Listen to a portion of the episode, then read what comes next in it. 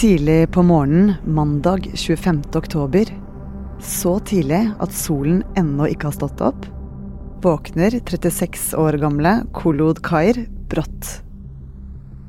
Hun bor i Khartoum, hovedstaden i det afrikanske landet Sudan. Det er mobilen hennes som ringer.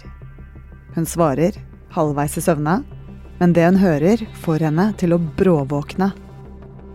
Landet hennes er blitt utsatt for nok et militært kupp.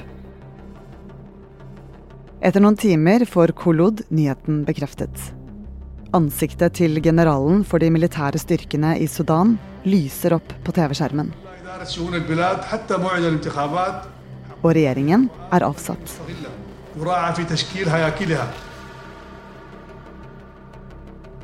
Sudan er bare det siste landet i en rekke militære statskupp den siste tiden.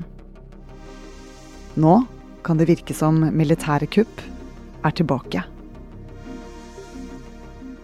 Du hører Forklart fra Aftenposten, og jeg heter Synne Søhol.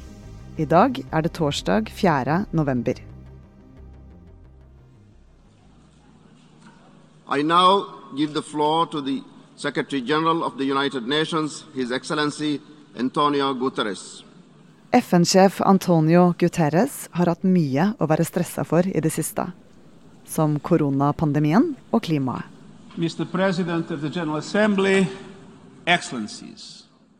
Når han 21.9 går opp på talerstolen med den grønne marmorveggen bak, i FNs hovedkvarter i New York, er det også noe annet han vil snakke om. Med den ene hånden legger han håret til siden og sier Excellencies, we are seeing an explosion in seizures of power by force. Military coups are back. Militære kupp er tilbake. For frem til da hadde en hel haug med kupp funnet sted i 2021. 1. februar. Presidenten i Myanmar arresteres under et militært kupp. 31. Niger blir utsatt for et mislykket kuppforsøk. 19. april. Presidenten i Tsjad blir drept etter 30 år ved makten. 24. mai. Hæren tar makten i Mali. 26. juli. Den tunisiske presidenten sparker sin egen regjering og utfører et selvkupp. 5. september. Presidenten i Guinea blir tatt til fange av landets militære styrker.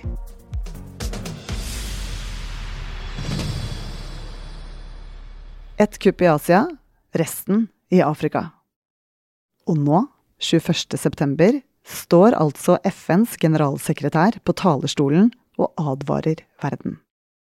Få timer før uh, Guterres inntok talerstolen, så ble 40 soldater arrestert i Sudan. De ble arrestert fordi uh, landets regjering hadde fått nyss om at de ville gjennomføre et militært kupp. Men det ble altså avverget eh, i første omgang. Gina Grieg Risnes, du er journalist her i Aftenposten. Vi hører om statskupp og kuppforsøk og militære kupp. Hva er egentlig et kupp? Det er et godt spørsmål.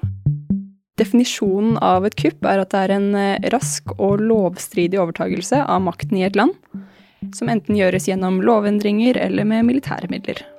Når et kupp skjer gjennom lovendringer, uten at det er noen andre som kommer og tar makten, så kalles det et selvkupp.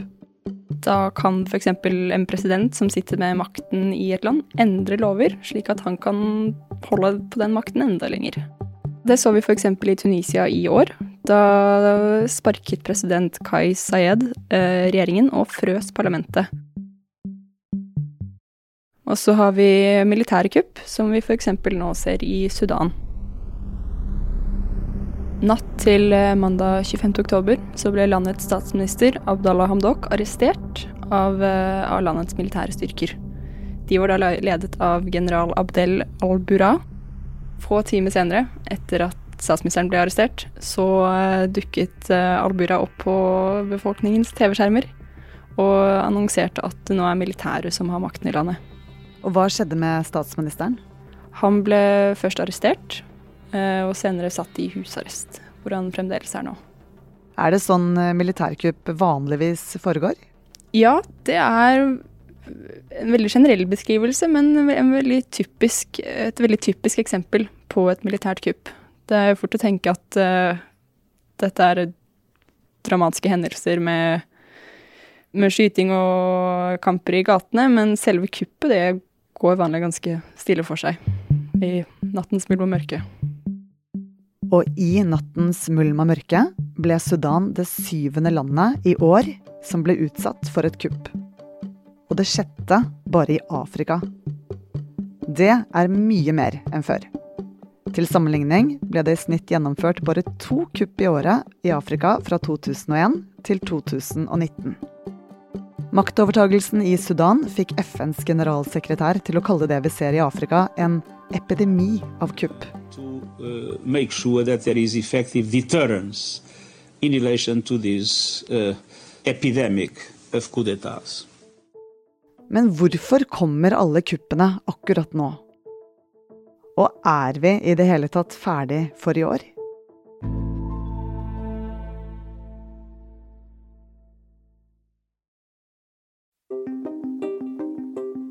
Dette er ikke første gang militæret bruker våpen for å ta makten i afrikanske land.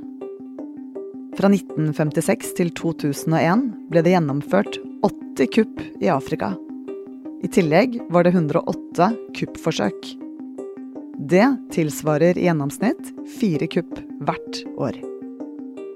Men så, fra 2001, gikk tallet ned. For å forstå den utviklingen som har vært i antall kupp, eh, og hvorfor det da nå har økt igjen, så må vi egentlig tilbake til kolonitiden i Afrika. News from equatorial Africa, where the Congolese Republic, formerly a French colony, has been celebrating its first birthday. It seems they had quite a party in Brazzaville. For det som er viktig å huske på, er at uh, mange av landene i Afrika de er fremdeles veldig unge demokratier. The celebration of which this uninhibited parade is a fair sample continued on and off for three days. På 60-tallet, så altså da mine foreldre var barn, det er altså ikke så innmari lenge siden, så kom det en eh, selvstendighetsbølge gjennom kontinentet. Stadig flere ble eh, selvstendige, og kolonimakter som Storbritannia og, og Nederland de forlot eh, kontinentet. Men da skulle altså de afrikanske landene styre selv. Og før kolonimaktene dro, så hadde de gjerne en idé over hvem de ville at skulle ta over makten. Og det endte gjerne med at en favorisert gruppe eller et politisk parti, de fikk makten. Og de innførte så ettpartisystemer. Men det var det ganske skjøre, eh, så de var avhengig av å ha militæret i ryggen for å kunne holde på makten. Og hvilke konsekvenser eh, fikk det tette båndet mellom eh, militæret og lederen? Det gjorde rett og slett at det ble ganske kort vei fra, fra politikken til, til militærkupp. Så da disse generalene så seg lei av politiske ledere, så var det fort gjort for dem å bare kuppe makten selv. Men etter en lang periode med mange kupp begynte ting å endre seg rundt årtusenskiftet. Da fikk flere og flere afrikanske land demokrati. Eh, demokratiene vokste, økonomier bedret seg, og statsoverhoder ble valgt av folket. Og det førte til at i ca. 20 år så så det ut til at alle disse militærkuppene de var i ferd med å forsvinne. Men etter hvert så begynte det å gå galt igjen. De lederne som ble valgt demokratisk på starten av 2000-tallet, de satt stadig lenger, de ble mer og mer glad i makten, og da ble folket lei. Men dette er jo folkevalgte regjeringer eh, i, i, demokratiske land. Eh, hvordan kan lederne da sitte i flere tiår?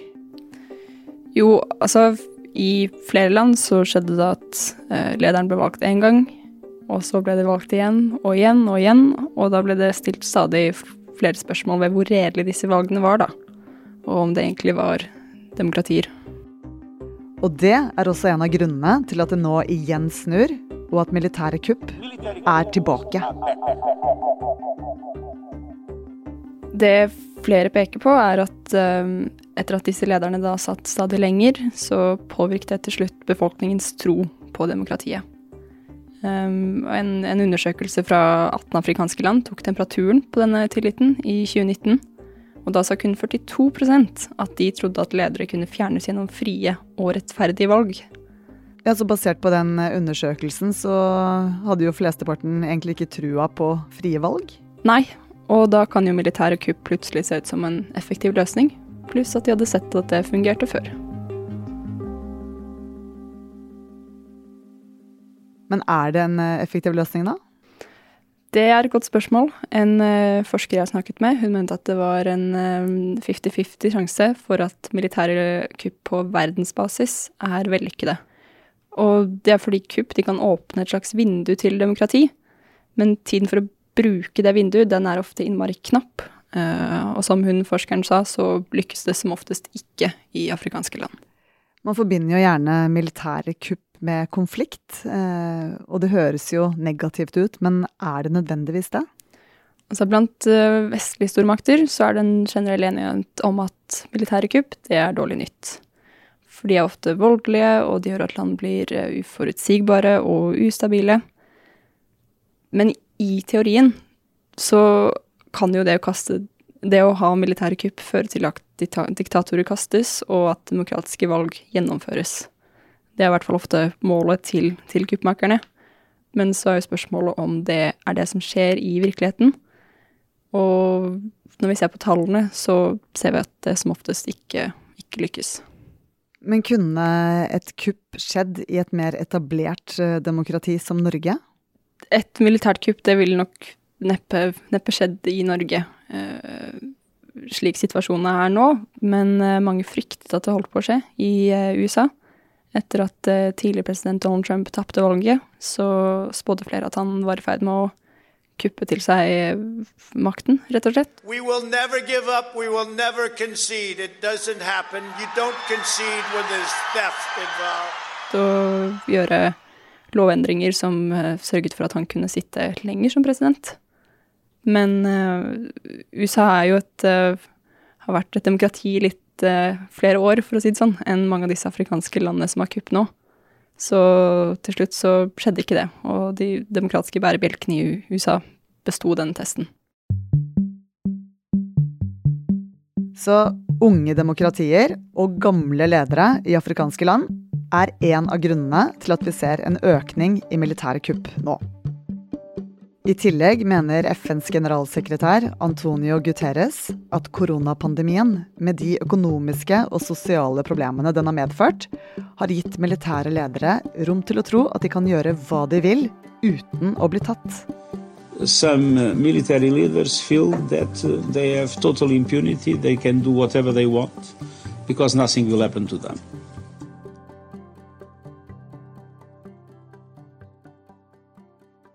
Så Gina, hvordan ser det ut i Sudan fremover nå? Akkurat nå så er det ganske kaotisk. Eh, general Albura har lovet å holde nyvalg i 2023, men eh, situasjonen er såpass kaotisk at det er for tidlig å si om han kommer til å sitte så lenge. FN og andre organisasjoner er på banen og prøver å megle eh, og få partene til å komme til en slags enighet. Eh, de legger særlig press på at eh, statsminister Hamdok må, eh, må slippes fri. Og FN har selv uttalt at meglingen så langt er vellykket, og forventer å se noen resultater i løpet av de neste dagene. Men så får vi ja, vente og se om det skjer. Hvordan er det for de som bor i Sudan nå? Hvordan opplever innbyggerne dette kuppet? Altså, militære kupp kan jo høres ut som et litt sånn fjernt og bisarr konsept, men for de menneskene som står midt oppi dette, så er det innmari dramatisk. Jeg snakket med en uh, fyr som heter Aymad, som uh, var frivillig på et sykehus i Khardoum, som da er hovedstaden i, i Sudan. og han meldte seg frivillig fordi det var så mange som ble lagt inn på sykehuset fordi de demonstrerte mot militærkuppet, og så ble de banket opp og skutt eller slått av de militære styrkene. Og hva med 36 år gamle Kolod, eh, som vi hørte om tidligere. Hvordan er dette for henne? Ja, disse demonstrasjonene de gjør jo at uh, folk frykter at militæret kommer til å bare slå stadig hardere ned på folket. Uh, og Kolod er en av de som er bekymret for det. Til vanlig så jobber hun som en uh, podkastvert.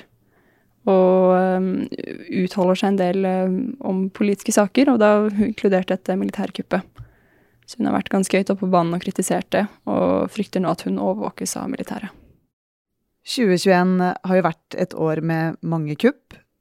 Hva sier forskerne som du har snakket med? Eh, var Sudan det siste kuppet, eller kan det bli flere? Det er umulig å si, å si sikkert, men uh, det er flere afrikanske land som har uh, gamle ledere, og hvor misnøyen blant folket øker. Det er jo to måneder til, til 2022 ringes inn. De jeg snakket med, de vil ikke utelukke at vi kan se et kupp til før året er omme.